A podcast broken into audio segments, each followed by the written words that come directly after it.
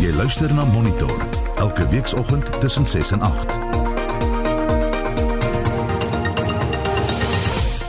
In die tweede helfte van die program Brasilië se ekonomie beleef sy grootste inkrimping nog ooit. Om 20 oor 7 praat ons oor die politieke gevolge van Suid-Afrika se hoë werkloosheid. En die silwer skermfees maak sy virtuele buiging bly by ons.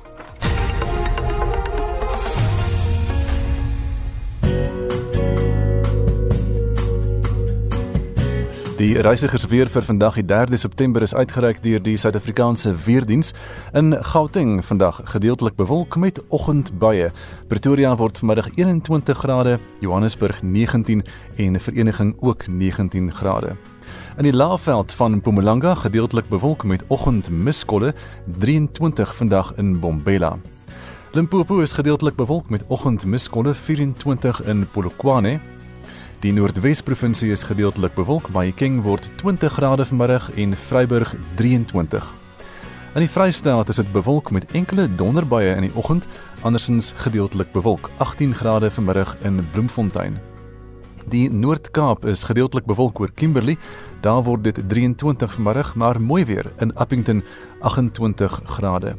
Die Weskaap is gedeeltelik bewolk. Die wind is lig tot matig noordwes en dit word suidoos vanaf die namiddag 20 grade in Kaapstad vanmiddag en 22 in George waar dit mooi weer sal wees.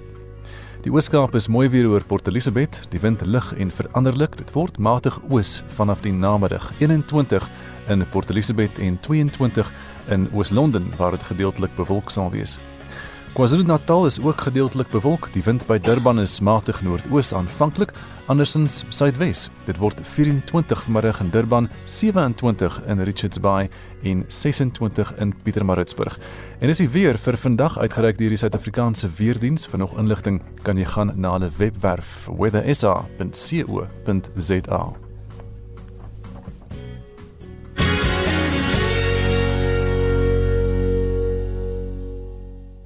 En nou die finansiële aanwysers op moneyweb.co.za. Die JSE se indeks van alle aandele sluit gister so 0,12% laer net so effens op 55862. Die indekse wat veld verloor het was die finansiële indeks 2,8% laer, die goudmyn indeks 3,04% laer en die hulbron indeks 0,41% laer. Die enigste een wat veld gewen het was die nywerheidsindeks. Hy sluit 1,07% hoër en dit beteken die top 40 indeks van die JSE is min of meer gelyk 0,05% laer. Die eh, kommoditeitspryse vanoggend, die goudprys staan nou op 1942 dollar en 20 sent per fyn ons, platinum op 913 dollar en 40 sent per fyn ons en 'n vat Brent olie kos nou 44 dollar en 38 sent. Die wisselkoerse is bestendig. Die rand teen die Amerikaanse dollar R16.81. Teen die euro is dit 18 19 en 85 sent. En 'n Britse pond kos nou R22 en 38 sent. En dis die finansiële aanwysers op monitor.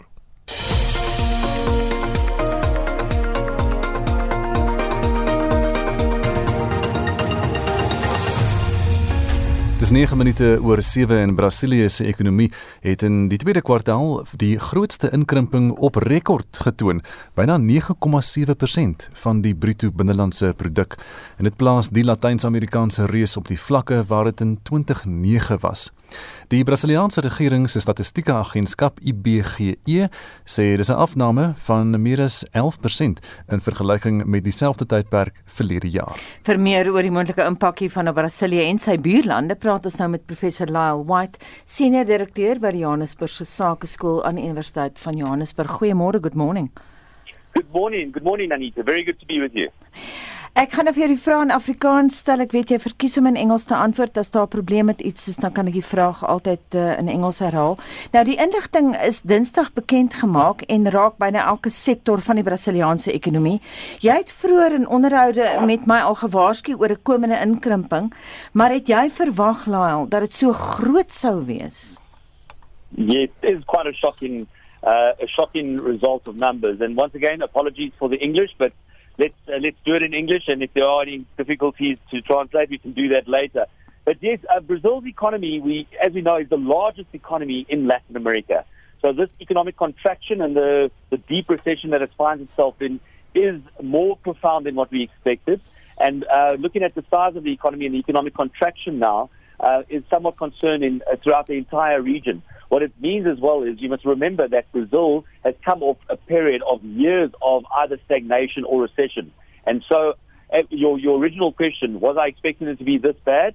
I think it's a little bit worse than what I expected, especially given the policies of maintaining openness. Let's call it economic openness as opposed to uh, the lockdown by President Jair Bolsonaro. This was an attempt by Jair Bolsonaro to ensure that the, econo- the economy or the Brazilian economy does not, not contract or does not slip as deep into depression as what it has done. And so it is clear that his policies have failed for Brazil's outcome.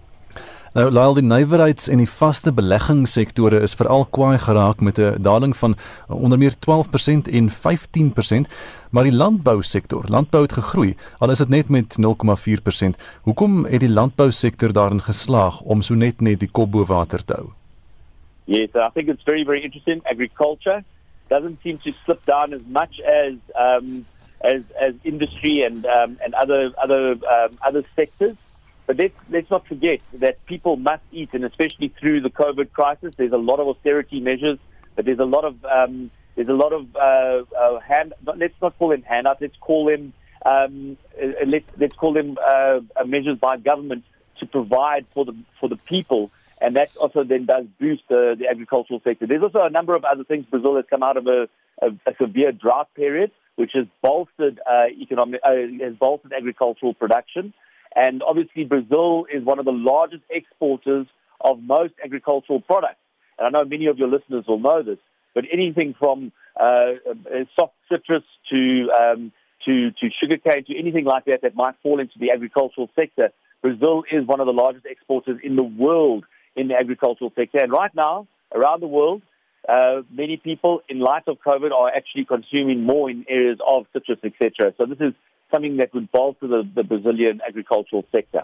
Laal ekonome wys nou daarop dat die Brasiliaanse ekonomie 15% kleiner is as in 2014, maar hoe gaan hierdie inkrimping die res van Suid-Amerika raak want in Suid of liewer selfs Latyns-Amerika is uh, uh, Argentinië en Brasilië die lande wat die ekonomiese kitaar daar slaan. Yes, precisely right. Anita, it was a shocking number. I see you picked that up.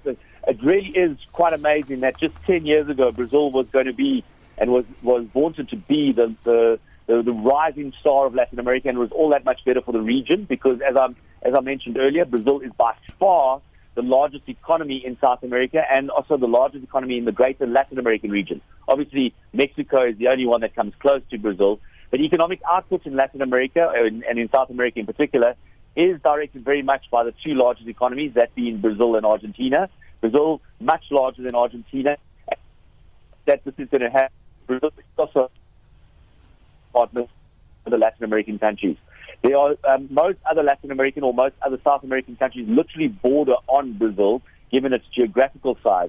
So the economic um, downturn or the economic demise of Brazil has direct implications on the region, no doubt about that. And it is a it is the country that literally uh, direct and dictate the economic outcome or the economic outlook for the Latin American region. And we must not forget about that. So uh, keep your eye on the economic uh, outcome or the economic results of Latin America in general uh, following this COVID period. Lyle, wat gaan die impak van hierdie inkrimping wees op Brasilië se werkloosheidssyfer? Uh, so unemployment in Brazil is an interesting one. Uh, not all countries measure unemployment uh, in the same way. Uh, I do realize that it's, it's, quite a complicated measure. We, for example, have, are probably nearing an unemployment rate in real terms of probably close to 50%. Brazil would probably still say or suggest that their unemployment is only in the area of maybe 15%, one five, 15%. But that's not in real terms because what happens in Brazil is there are a lot of other uh, so, uh, social safety net measures, and people do not record unemployment or underemployment in the same way that we do. I just wanted to put that out there just to kick off. But the bottom line is this, is that unemployment is going to probably rise in Brazil uh, because people, because there, there's a greater fatality of small and medium-sized businesses um, as a result of the crisis at the moment. And so we're going to see unemployment rise. And let's not forget that Brazil's state infrastructure, or let's call it the state-owned enterprises, they are in the worst trouble of all, um, and they've been and under Bolsonaro they've been uh, they've been they've been sold off to private investors. But because of the, the downturn in economic output, that just results immediately into an upturn in unemployment. So unemployment is set to rise, and obviously through this uh, this period of economic contraction, we're going to see a rise in um, all all unemployment and unemployment across the country, which will have severe social implications for the country. Brazil is a country that relies very much on uh, on um, social programs, mm. on conditional cash transfers, and those types of things. And that's why we must watch unemployment very, very closely because that means it's going to be a, an additional burden on state infrastructure. Jy praat nou van die traditional uh, cash transfers. Kom ons kyk na die corona kuponstelsel. Die is nou onder groot druk met selfs die minister van finansies Paulo Guedes wat normaalweg onkrities oor Bolsonaro is wat dit uh, van dese week baie skerp gekritiseer het. Skets net vir Suid-Afrikaners die agtergrond daar. So very interesting. The corona voucher, which you have referred to, this is this is an emergency pandemic payment that has been underway since since March of this year as the pandemic struck Brazil. It was Bolsonaro's way, or the Bolsonaro administration's way, of curbing the impact of the of the, the crisis and the pandemic on uh, on the poorer of people in in Brazil. Um, so simply, what happens is this is a, a handout that uh, has benefited maybe 50 million households. That is a huge number. But obviously, this comes at a cost. So, uh, that 44%, that, that equates to about 44% of the country's total population. But it's a huge cost to, to, uh, to Brazil because it's costing the country at the moment in the region of 50 billion real, which uh, Anita translates to about $10 billion a mm. month. Mm. $10 billion a month. This, in addition to um, to a housing program, is another area that the Bolsonaro administration is did. Obviously, this is important for the many are seeing this as politicking, and Guedes is, um, as you said, is against these processes because he feels that the economy can't stand these measures. Lyle, wat wat van die ehm um, die politieke gevolge van hierdie ekonomiese inkrimping? Wat is die kans dat president Bolsonaro die politieke prys by die stembus gaan moet betaal in Oktober 2022? Interesting question that one because as we know Brazil is deeply polarized between the Bolsonaro administration and the PT, both of which incidentally are populists on the left and right side of the spectrum. And this deep polarization is not anything new in Brazil. But um, but to answer the question of what whether he will uh, what the outcome will be in 2022, that would be looking deep into the crystal ball because 2022 is a lifetime in uh, in, in politics, as we know. So let's just watch how this unfolds. Right now, this popularity has diminished substantially since January, and he's hmm. probably at the lowest levels of popularity that he's been since he was elected um, about 18 months ago. Ek sien nou laal die Brasiliaanse media gee baie aandag aan die feit dat die direkteur van Asa Bank, hy was voormalig in beheer van die Brasiliaanse tesourier Carlos Caval, het nou voorspel dat Brasilië ekonomies eers in 2023 sal begin herstel. Wat dink jy gaan gebeur? Wat is jou vooruitskatting? Yes, so the director of Asa Bank, uh, uh, uh, Senor Carlos, has probably got it right, I think, and this is also a deep concern because obviously Bolsonaro came in on the ticket of bolstering the Brazilian economy and obviously on security. But on the economic issues, he doesn't seem to have uh, re-established the Brazilian economy or re-established growth in the in the Brazilian economy. So we are seeing some some concerns, and I think 2023 is probably a safe and accurate measure. All con- uh, contrary reports. Uh, another report that I, I read recently said that the Brazilian economy is likely to bounce back a lot quicker than any of the other Latin American uh, countries, mostly on the fact that it's remained open. So there are some contra- contradictory reports, and I'm hoping, and I think we are all hoping, that perhaps for once maybe the opening of or leaving the, the country open and avoiding the lockdown has, has resulted in in uh, the economy or the or companies, the pistons of the economy, bouncing back and re-establishing some type of economic output and growth. Um, and that will bode well for the entire region. That's why we are hoping that perhaps lockdown uh, and, and as we get through this, uh, that the Brazilian economy will be the one that bounces back. To reiterate, the, the future of Latin America, the future of the economy, is dependent almost highly on the, the, the, uh, the the prosperity of the Brazilian economy. Gepraat daarvan nog 'n uh, verslag wat pas gepubliseer is, die Verisk Maplecroft uh, Recovery Capacity Index gaan uh, dit gaan oor die G20 lande se vermoëns dan nou om ekonomies te herstel en dit voorspel dat veral Indië, Suid-Afrika en Brasilië die moeilikste gaan herstel uh, van die G20 lande van die effek van die koronavirus. Wat presies bepaal daardie indeks?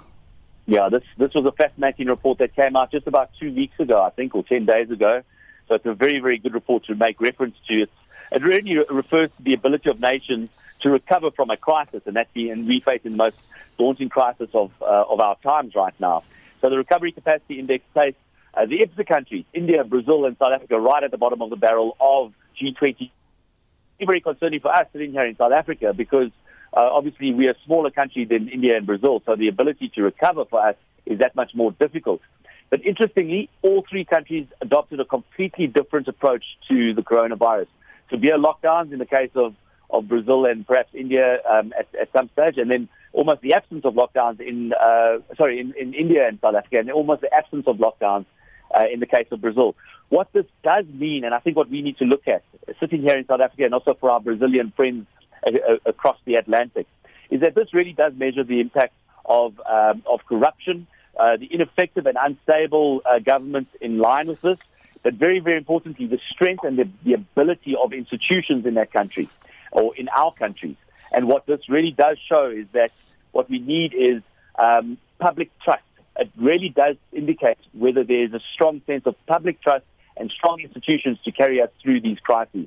What we have seen in all three of these countries is the lack of clear and strong numbers, decisions that are based on numbers, we, uh, the, uh, the lack of strong functional institutions. We've seen in all three of these countries, Brazil in particular, the weakening of, of institutions over the last uh, 10 to 15 years. And then obviously the, the, the of public trust. I mentioned early on, Brazil is a country that is deeply polarized politically. And so that obviously uh, corrodes uh, public trust. That is all that much more important. And just to end off on this very particular, or this, this point, all countries that have done well through this crisis have uh, have really uh, leveraged off the public trust. Think of New Zealand, think of uh, Taiwan, think of Iceland, all those types of countries. The public trust has been uh, has been paramount. In the case of Brazil and perhaps here in South Africa as well, public trust has been a big, big problem, and that's why we are seeing because obviously this translates the ability and the functioning of uh, institutions in these countries. Brazil's public trust and its institutions have weakened, and that's why it's all that much worse off as a result of the COVID pandemic. Baie dankie en so sê professor Lyle White, hy senior direkteur by die Johannesburgse Sakeskool aan die Universiteit van Johannesburg. Die ekonom Mike Schuessler van economist.co.za het maandag op Monitor voorspel dat die Suid-Afrikaanse werkloosheidssyfer gaan styg tot 53%. Ons het in hierdie onderhoud met Schuessler in diepte gepraat oor die ekonomiese gevolge daarvan, maar ons het nog nie gefokus oor die politieke gevolge daarvan nie. En uh, vanoggend ontleed ons dit met die politieke wetenskaplike Roland Henwood van die Universiteit van Pretoria. Môre Roland. Goeiemôre. Wat se politieke prys sal Suid-Afrika betaal vir vir so 'n reuse werkloosheidssyfer? Ek dink daar's 'n paar moontlikhede wat ons nou moet gaan kyk. Ehm um, wanneer jy sulke groot werkloosheid kry, natuurlik skep dit 'n klomp ook maatskaplike probleme wat 'n uh, impak gaan hê op die omgewing waarmee binne mense funksioneer. Dit ondermyn vertroue in jou instellings, dit ondermyn vertroue in politieke leierskap En dan het ons ook al gesien dat daar um, baie aanduidings is dat dit in die algemeen die idee van demokrasie ondermyn. En ek dink wat ons eintlik by uitkom dan is dat dit risiko skep vir stabiele politiek en effektiewe regering op die medium tot langtermyn. Indien jy so 'n omgewing het en jy kan dit nie effektief regeer en beheer nie. Sê vir my watter boodskap stuur dit aan die internasionale gemeenskap Roland? Ek dink wat ons sien is dat daar deur deur die banke in die wêreld 'n geweldige krisis is. Um, dis nie net Brasilië, Suid-Afrika en Indië waar mense hierdie geweldige ekonomiese probleme nou sien nie. Australië sit met sy eerste resessie in dekades. 'n 30% daling word verwag in die um, in die in die bruto binnelandse produk op die kort termyn. En en dit is die patroon wat ons sien. So ek dink as vir my eerste aspek is mens moet nie weer eens gaan kyk na Suid-Afrika as uniek en heeltemal anders as die res nie. Ons deel die probleme en ons deel die die traject wat ons in die res van die wêreld sien. Maar daar's ook ander elemente wat ter sprake kom en dit is wat is dit wat anders is in Suid-Afrika? In die eerste plek die kwaliteit van regering, die kwaliteit van besluitneming, die kwaliteit van implementering. Ehm um, daar's ander plekke waar dit problematies is, soos in Brasilië, maar as ons gaan kyk na die suksesresepte, die plekke wat minder negatief geraak is en waar die verwagting minder negatief is, dan is dit die elemente wat ons nie raak sien in daardie omgewings nie. Dan een van die dinge wat Mike gesê het is dat hierdie groot werkloosheidskoerse is ongekend um, in die res van die wêreld en hy het gesê daar is 'n onlosmaaklike onlosmaaklike verbinding tussen werkloosheid en ongelykheid waarvan ons baie in Suid-Afrika het en hy sê dit was nou sedert 1996 dat dit nou so taamlik groot probleme geraak het. Is dit reg om op hierdie manier na ongelykheid te kyk, so gekoppel aan die werkloosheid? Ongetwyfeld is daar 'n verband. As jy nie werk en 'n inkomste het nie, dan raak jy agter. Die interessante is dat as ons byvoorbeeld gaan kyk na die nuutste statistieke wat uit Brasilië uitkom, is dat ongelykheid het gedaal. Dis die laagste wat dit ooit in die geskiedenis van Brasilië was. En die rede is die ehm um, COVID oorbetalings wat aan mense mm. gemaak word. En mm. dit sê vir 'n mens hoe krities die situasie is. Daai klein bedragie wat 'n persoon kry per maand maak dat jou armoede vlak onmiddellik daal. Hmm. En dieselfde geld waarskynlik in Suid-Afrika. Die probleem is ons het nie 'n effektiewe stelsel van van ondersteuning nie. Ons sien nou dat by die departement van arbeid is die hele topbestuur wat vir wat betrokke ja. is by werkloosheidsversekering is uitgeskop of is is is op sy geskryf as gevolg van die onvermoë om die stelsel te bedryf. En en en ons kan met ander woorde verwag dat op die kort tot medium termyn gaan ons 'n groot verandering sien en meer armoede sien, meer ongelykheid sien eerder as wat mense teenoorgestelde sou gesien het gegee die massiewe bedrag geld wat die regering veronderstel is om in die gemeenskap in te skuif op die stadium. Natuurlik is die langtermyn effek daarvan is dit volhoubaar en op watter manier gaan jy dit befonds en volhoubaar maak? En dit lyk nie asof dit enigsins in Suid-Afrika moontlikheid is nie. So jy gaan toenemende druk kry jy gaan toenemende maatskaplike probleme kry en dit kan groter politieke onstabiliteit tot gevolg hê. En weer eens nog 'n vergelyking tussen Brasilië en Suid-Afrika wat ons het nou gesien, hulle minister van finansies Paulo Guedes het nou die corona kuponstelsel skerp gekritiseer en hy is normaalweg baie onkrities oor Jair Bolsonaro en baie politici van die oppositie sê natuurlik Bolsonaro sal dit nie kan volhou so stelsel nie. Dis baie moeilik om daai opheffingswerk te doen. Dit is moeilik veral as jy in ag neem en ek dink dit is die realiteit in Suid-Afrika dat die bietjie moontlikheid en ruimte wat jy gehad het om so iets te kan doen is vernietig as gevolg van massiewe korrupsie en swak regering. En en dit help nie om bietjies om te draai daaroor en dit is die realiteit waarmee ons sit. En dit lyk nie asof daar 'n plan is om hierdie ding te hanteer en en en, en op die korter termyn dramaties te verander nie die die, die aan die een kant word gepraat van optrede om korrupsie op te slaan en mense te vervolg. Maar dan sien ons gister in die parlement word gesê dat daar's eintlik bitter min amptenare teen wie opgetree kan word as gevolg van dit wat gebeur het. So so jou probleem is nie een wat jy op die kort termyn maklik 'n greep op kan kry en kan oplos nie. En saam met 'n ekonomie wat baie dramaties agteruit gegaan het en nog steeds agteruit gaan is dit baie moeilik om te hanteer. En dan kom mense natuurlik by die vraag maar wat is die beleidsopsies? En dit is waar daar groot vrae gevra word en baie onsekerheid in Suid-Afrika is. Ehm um, Roland hier in Suid-Afrika sal hierdie nuwe geleide wat ons nou hoor die laaste paar weke uh, oor hoe om plaasmoorde, plaasaanvalle en korrupsie hok te slaan, die negatiewe politieke gevolge van van werkloosheid kan teenwerk. En is jy ook verbaas oor wat jy gehoor het die laaste week? Ja, ek dink nie mens moet verbaas wees nie. Ehm um, ek dink wat mense wel moet weet is die vraag hoekom het dit so lank gevat? Want dis nie nuwe inligting, dis nie nuwe probleme nie. Ons weet baie lank al dit is kritiese probleme. En en juist daarom is die verwagting nie dat dit wat gesê word in die afgelope week of twee 'n dramatiese verandering gaan tot gevolg hê nie. Die die punt waar daai tipe aankondiging 'n verandering in jou omgewing gaan skep is, is ons lankal by verby. Die enigste wat daar gaan daai tipe positiewe effek gaan hê is dade. Optrede wat wys daar is suksesse en dat dinge op 'n manier gedoen word wat volhoubaar gaan wees, wat verantwoordelik is en wat ordentlik deurgevoer en bestuur word. Net laasens Roland, gaan die regering die prys vir ons hoë werkloosheidssyfer by die stembus betaal of sal die ANC regering met T-hemde en kospakkies op die korttermyn die knoop kan deurhak vir hulle self? Dit is moeilik om te sê of dit werklik 'n verkiesingseffek gaan hê. Ehm um, histories was dit nie 'n was dit nie 'n faktor wat in Suid-Afrika praat met van jaar 1994 af 'n direkte invloed op die politieke proses gehad het nie.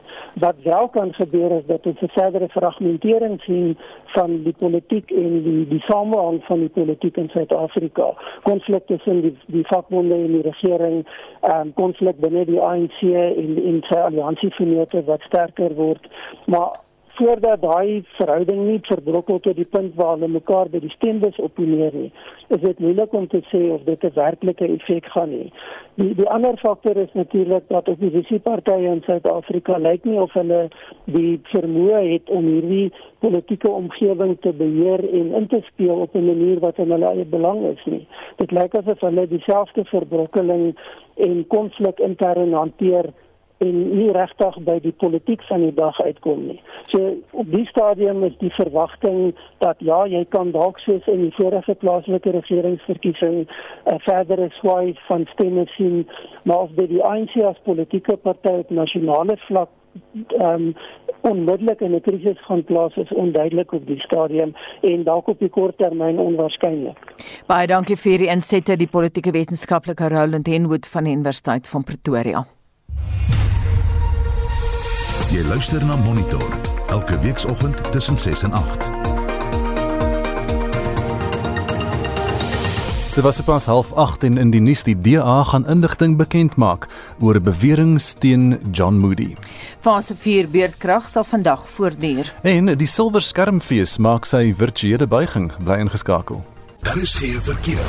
In KwaZulu-Natal 'n botsing op die N2 suidwaarts na die Claireweg brug En dan in Midrand in Gauteng was daar 'n kettingbotsing op die N1 suid by die Bekloo wisselaar en daar is swaar vertragings daardeur die Bekloo wisselaar vanoggend as gevolg van daardie botsing.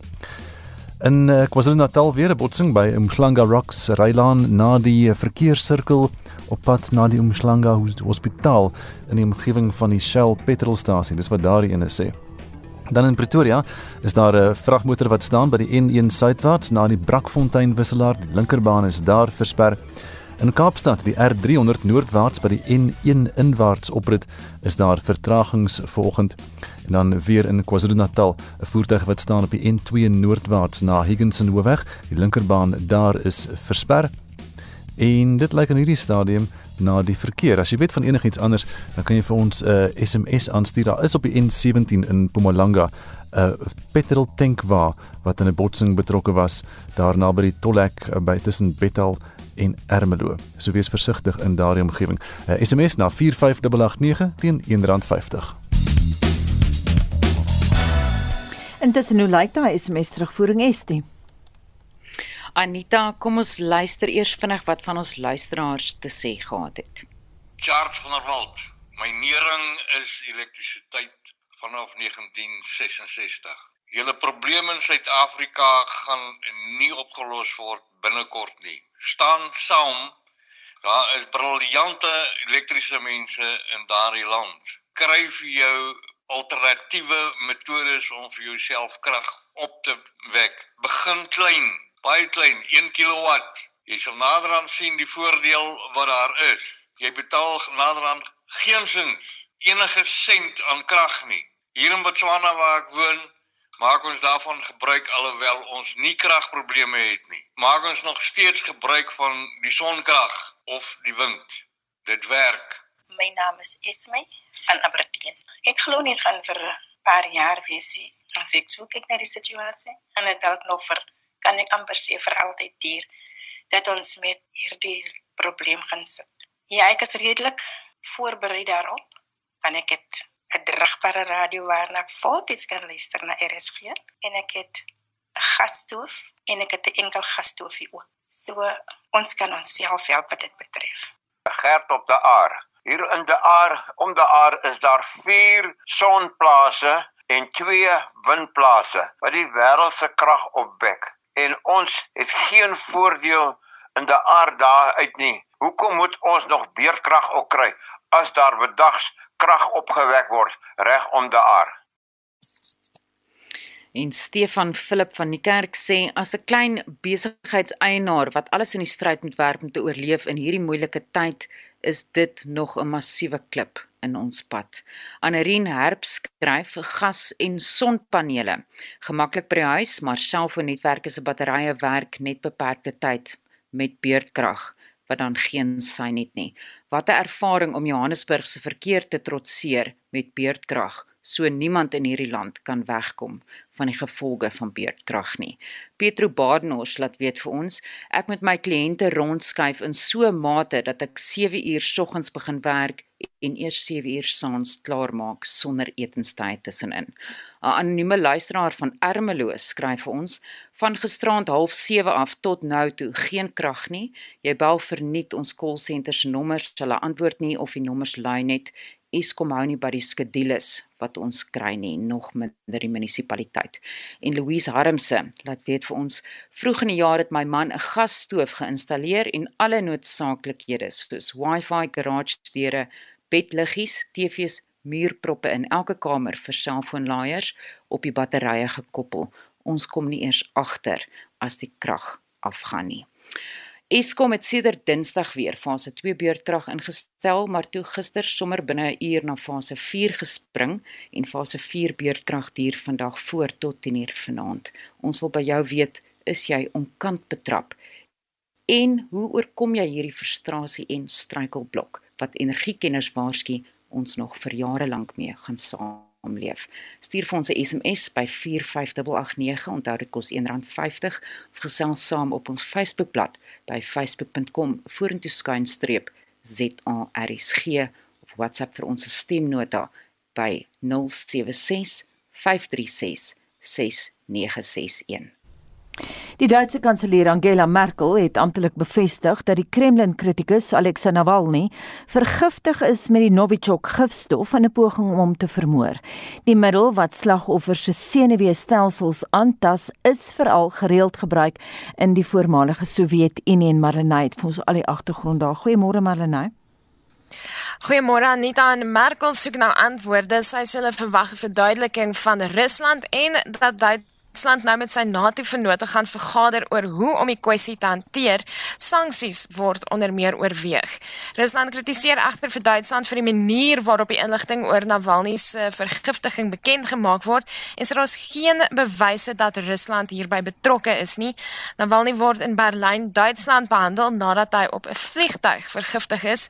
Dieselfde middel is 2 jaar gelede gebruik om 'n voormalige Russiese spioen in Brittanje, Sergei Skripal en sy dogter te vergiftig. En dan verskuif ons die aandag na die FSA waar die minister van buitelandse sake Mike Pompeo sanksies ingestel het teen 'n vervolger in die internasionale strafregtelike hof Fatou Bensouda. En dieselfde geld vir diegene wat saam met haar werk aan 'n ondersoek om te bepaal of Amerikaanse soldate oorlogsmisdade in Afghanistan gepleeg het. Hy het die inligting bekend gestel tydens 'n media-konferensie. The ICC continues to target Americans, sadly. pursuant to Executive Order 13928. The United States will designate ICC prosecutor Fatou Bensouda and the ICC's head of jurisdiction complementarian cooperation division, Akiso Mochichuko, for having material assisted prosecutor Bensouda. Individuals and entities that continue to materially support those individuals risk exposure to sanctions as well. Additionally, the State Department has restricted the issuance of visas for certain individuals involved in the ICC's efforts to investigate US personnel. Die die hof het die aankondiging afgemaak as 'n poging om in te meng by die onafhanklikheid daarvan en het op seldsame wyse in 'n mediaverklaring beklemtoon dat hy sy werknemers ten volle ondersteun in die ondersoek. En so gepraat van sanksies, Belarus het aangekondig dat 'n reisverbod op senior beamptes van Letland, Estland en Litouwe geplaas gaan word. Dis nou 'n reaksie op soortgelyke optrede deur hierdie lande. En die aankondiging is in Rusland Moskou gemaak deur Belarusse minister van buitelandse sake Vladimir Makey. Nou Rusland het na vore getree as een van president Alexander Lukasjenko se ondersteuners en help die land om veld te wen teen plaaslike en internasionale kritici. Lukasjenko word beskuldig van verkiesingsknoeiery wat gelei het tot massabetogings in Minsk. En van die Baltiese streek gaan ons na Noord-Korea waar 'n argeologiese span twee antieke muurgrafte in die Anak distrik provinsie ontdek het wat uit minstens die 6de eeu dateer. En dit sluit goue oorblyfsels en muurskilderye in en dit kom uit die Goguryeo dinastie, daai daai tyd van Noord-Korea se geskiedenis. Nou volgens argeoloë is dit die eerste keer dat hulle grafte ontdek met die skilderye van vier bewakers. Dit word beskou as 'n bewys dat die gebied van die Suid-Hwanghae provinsie tydens die ryk die kulturele middelpunt was. En dit was Marlenae Forsie met wêreldnuus. Dis nou so 17 minute voor 8 uur by Monitor op RSG en die Zimbabwese ondersoekende joernalis Hopewell Chinono is gister op borgtog vrygelaat. Dit volg op verskeie beroepe van plaaslike joernaliste dat president Cyril Ramaphosa moes intree om sy vrylating te bewerkstellig. Chinono is 6 uh, weke gelede in hegtenis geneem weens sy beriggewing oor korrupsie in Zimbabwe se regering. Anne Marie Jansen van Vuren berig. Baie Suid-Afrikaanse joernaliste het gister ons regering gevra om in te gryp in die saak. Max de Pre was een van hulle. Houpo Chinono is 'n kollega van my. Hy is een van Suider-Afrika se topjoernaliste. Hy is op valse aanklagte in die tronk gestop as deel van die ZANU-PF regering se aanslag op sy kritisie. Nou oor ons Houpo is baie siek. Ek het 'n beroep gedoen op president Ramaphosa en minister Naledi Pandor om sonder omhaal Harare toe te bel en seker te maak dat hy dadelik mediese hulp kry en sommer vrygelaat word. Suid-Afrika durf nie langer sy oë en oë toe te hou vir die onregte in Zimbabwe nie. Ure nadat De Pre en ander lede van die plaaslike media hierdie versoek gerig het, is Giano op borgtog van 100 000 Zimbabwese dollar na genoeg 5000 rand vrygelaat. Sy vrylating het onder streng voorwaardes geskied, onder meer dat hy vir 'n geruime tyd geen sosiale media mag gebruik nie.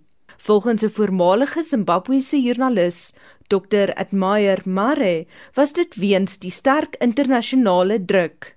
I think it was a matter of time. I think the government had been cornered. There was so much pressure coming from the international community, regional community. Journalists have tried to lobby, and also, you know, Reporters Without Borders have also sent in their own plea to the president to say, can you please allow journalism to thrive? Journalism is not a crime, is this way? So, and I think the issue was pretty much to send a message to anyone who would want to probably, you know, raise issues related to corruption, but also speak uh, truth to power. That if you do that, if you dare cross that red line, then the government would always descend on you and seclude you, and then demonstrate that they have mighty power to do whatever they want to do. Mare is deesdae 'n dosent by Namibië se Universiteit van Wetenskap en Tegnologie. Hy sê hy het Zimbabwe verlaat toe dit onuithoudbaar vir hom geraak het. Nog 'n voormalige Zimbabwese joernalis, Millie Firi, woon deesdae in Suid-Afrika. Firi sê die huidige situasie in die land laat haar hare regop staan. Not only are people facing severe suffering such as poverty and hunger, due to the government's corruption and misplaced priorities, but people are being arrested for flimsy reasons and facing unlawful detentions. Unfortunately, it's unclear the law that is being used on the arrested journalists, particularly that of Hopo Chingono, or what charge facing is being accused of inciting violence for publishing on social media This is after he exposed corruption in Zimbabwe and especially corruption around COVID 19 funds meant for those who need it most. As you know, Zimbabwe hospitals have severe shortages of drugs, equipment, and health personnel, and that money could have been channeled to those issues.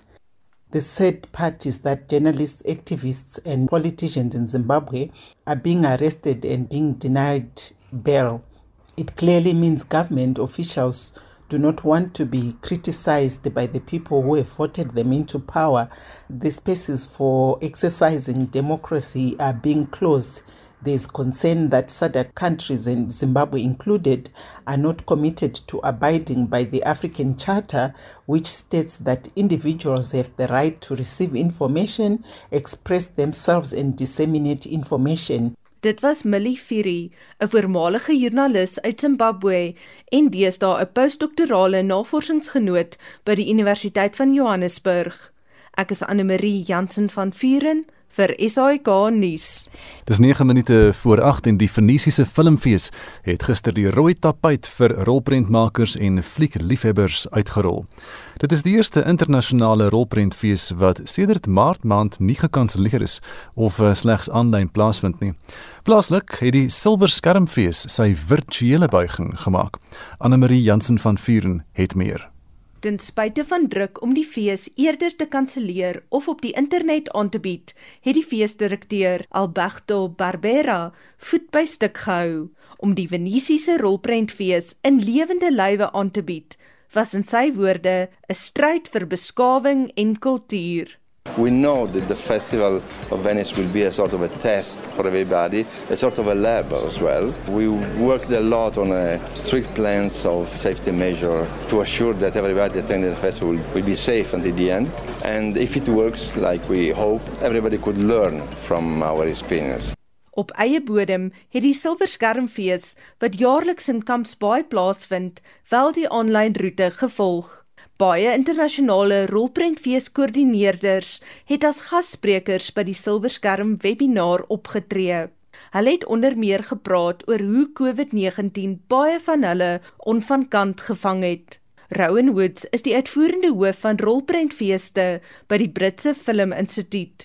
Sy sê die pandemie het baie feesorganiseerders voor 'n keuse gestel. Hulle moes hulle planne aanpas of uitstel. Woods het haarself ook telke male gevra wanneer rolspelers weer in dieselfde vertrek bymekaar sal kan kom. But at one point Toronto was that moment and now really not so who knows and I think as it relates to sort of some of those awards contenders and awards titles you know Sundance and Berlin feel like they are perhaps festivals where we will see those titles launching before the you know the Oscars have moved to April Dog het 8 rolprentfeesdirekteure wel hierdie week in die Kanaalstad Venesië bymekaar gekom. Die feesdirekteure van onder meer Berlyn, Cannes, Locarno en Rotterdam het elke kans gekry om gisteraand 'n kort toespraak by die openingsaand van die Venesiese rolprentfees te lewer. Hul hoofboodskap was dat hulle saam staan en gaan terugveg teen stroomdienste soos Netflix. Barbera beskou die dienste as roofdiere wat dreig om die klassieke silwerdoek in te sluk. So vertel regisseur Andre Sekge. The main uh, goal of taking the risk of organizing the festival in this condition, in this situation, is exactly to underline uh, the necessity of having theaters. Plaaslik, 'n silverskermfees direkteur, Karen Meyring, meer optimisties en hoopvol oor die moontlikhede wat 'n virtuele rolprentfees inhou. Hier is groot opgewondenheid oor ons eerste silwerskerm webinar, maar ons is ook maar senuweeagtig oor dat die tegnologie wat ons nog nie so goed ken nie. Maar die nuwe platform skep vir ons opwindende nuwe geleenthede soos byvoorbeeld dat ons hoë profiel internasionale kundigheid en sprekers kan betrek by die program. Dis 'n eerste vir die silwerskermfees, maar beslis ook nie die laaste nie. Die programsamestellers Ricky Iman en Christel Sampson is dit eens. Volgens Iman het die digitale fees ook met 'n paar uitdagings gekom. Maar ek is baie trots op wat ons tot dusver uitgerig het en ek wil baie dankie sê vir almal wat saam met ons hierdie program bymekaar gestel het. My inspirasie vir die program kom regtig uit die fondasies van ons Silverskermfees en dat ons dit altyd 'n plaaslike filmfees wil hou waar ons soveel as moontlik kennis en inligting kan deel met ons plaaslike filmmakers en ook veral met jong talent. En in die digitale wêreld was dit net soveel makliker om ook internasionale gaste van verskillende lande en verskillende filmfeeste in die velde in die industrie te nooi om met ons te kom gesels. Al probeer 'n mens om altyd die goue of die silwer randjie om 'n donker wolk te sien. In die geval die COVID-19 inperking, is daar tog elemente van die ou silverskermfees formaat waarna jy hinker. So vertel silverskermfees direkteur Jan Du Plessis. Dit voel vir my regtig asof ons industrie sy plek in die wêreld rolprentbedryf meer en meer elke dag bevestig en feeste soos silverskerm dra grootliks daartoe by. Wat ek wel mis is die uitsig by die see en natuurlik die kuiers in die aand. Volgens 'n kurator by die Berlynse internasionale filmfees, Dorothy Wenner, het virtuele rolprentfeeste die potensiaal om fliekvlooie vlerke te gee, aangesien hulle net een ding nodig het om 'n internasionale fees by te woon. The only thing that matters is a good stable internet connection. Met fase 4 beerdkrag wat gister ingeskop het, hou die organiseerders asem op vir 'n soemlose rolprentfees gedurende die res van die week. Ek is Anne Marie Jansen van Vuren vir SAK nuus. Daar is geen verkeer. In Johannesburg is daar 'n vragmotor wat staan op die N3 suidwaarts na die van Burenweg afrit. Die linkerbaan is daar versper. In Pretoria, Eskiam Pahlele Railan inwaarts, daar is 'n botsing by Boomstraat en swaar verkeer daar in die middestad van Pretoria as gevolg van daardie botsing. In KwaZulu-Natal, 'n vragmotor wat staan op die N3 weswaarts na Pieter Brown Railan, die linkerbaan is versper. In die Kaap, die R300 noordwaarts by Ou Parelweg, verwag vertragings daar. Dit gaan stadig daar op die R300 vanoggend. En dan is daar in die middestad van Johannesburg natuurlik die M1 suidwaarts deur die stad. Is tamelik stadig van Smitstraat na die Crown Wisselaar se kant toe. In KwaZulu-Natal op die N2 suidwaarts na Kleerweg se brug is daar 'n botsing en dan vroeër natuurlik daar die botsing in Midrand, 'n kettingbotsing en een suid by die Bekloo Wisselaar. En dis die verkeer vanoggend op monitor. Estie. Anita Anneke Joubert Tron wat 'n dosent is, vat die situasie baie goed saam. Sy sê ek kan met gas en laaibare ligte oor die weg kom, maar my studente wat toetse en eksamens moet skryf vir hulle is dit dalk een te veel. Die universiteit stel in Boston voor hulle ry rond en soek 'n ander woon soek in ander woonareas, vriende, familie of kennisse op waar die krag nog anders en laat en laat dan genoeg reistyd toe. En onthou om reeds die vorige dag al klaar te, te leer want die tyd wat jy sou spandeer om nog laaste werk oor te gaan, moet dalk vir reistyd gebruik word. En onthou om betyds dan ook weer 10 uur by die huis te wees. Rekenaars waarop antwoorde getik word, antwoordstelle te scan en te mail, het krag nodig, ook om Wi-Fi te gebruik. En as die krag tydens die toets of eksamen afgaan, is dit 'n stresvolle tyd om die minste te sê. En dan sê Jan Olivier, 'n persoon wat nie R70000 het om op 'n alternatiewe kragbron te spandeer nie, oorkom hierdie nie. Dit is 'n ramp vir besighede en tragedies vir 'n ekonomie wat alreeds in duie stort. En Fanie Smit sê Eskom is besig om self sy finale ondergang te bewerkstellig. Privaat energieverskaffers gaan op die voorgrond tree en gaan die enigste volhoubare manier wees van energielewering. Tia Gilliam sê ons het 'n dieselbattery op 'n trolly. As dit beurtkrag krag is, sleep ons hom nader. Ons maak koffie, tee en kos op 'n Primus stofie. En so gaan ons aan. Baie dankie vir julle terugvoer vandag. Marlene, jy lyk die dagboek vir Spectrum later vanmiddag. Eskom voorspel dat beerkrag tot Julie volgende jaar 'n gereelde instelling kan word en ons kyk na die impak hiervan op die land se ekonomie. Voormalige minister van omgewingsake, Nomvula Mokonyane, is weer in die Sonderkommissie se warmstoel en in Pretoria word Helen Suzman Stichting se aansoek om spesiale wetgewing vir die bestuur van COVID-19 goed te keur en die Hooggeregshof aangehoor. En daarmee groet die span namens ons waarnemende uitvoerende regisseur wat ook ver oggend redakteur was Wes op Pretoria. Ons produksieregisseur Lewona Bekes, my naam is Anita Visser. Bly geskakel vir praat saam volgende met Lenet Fransis Puren. Ek is Koos van Vreiding en mooi bly tot môreoggend om 6.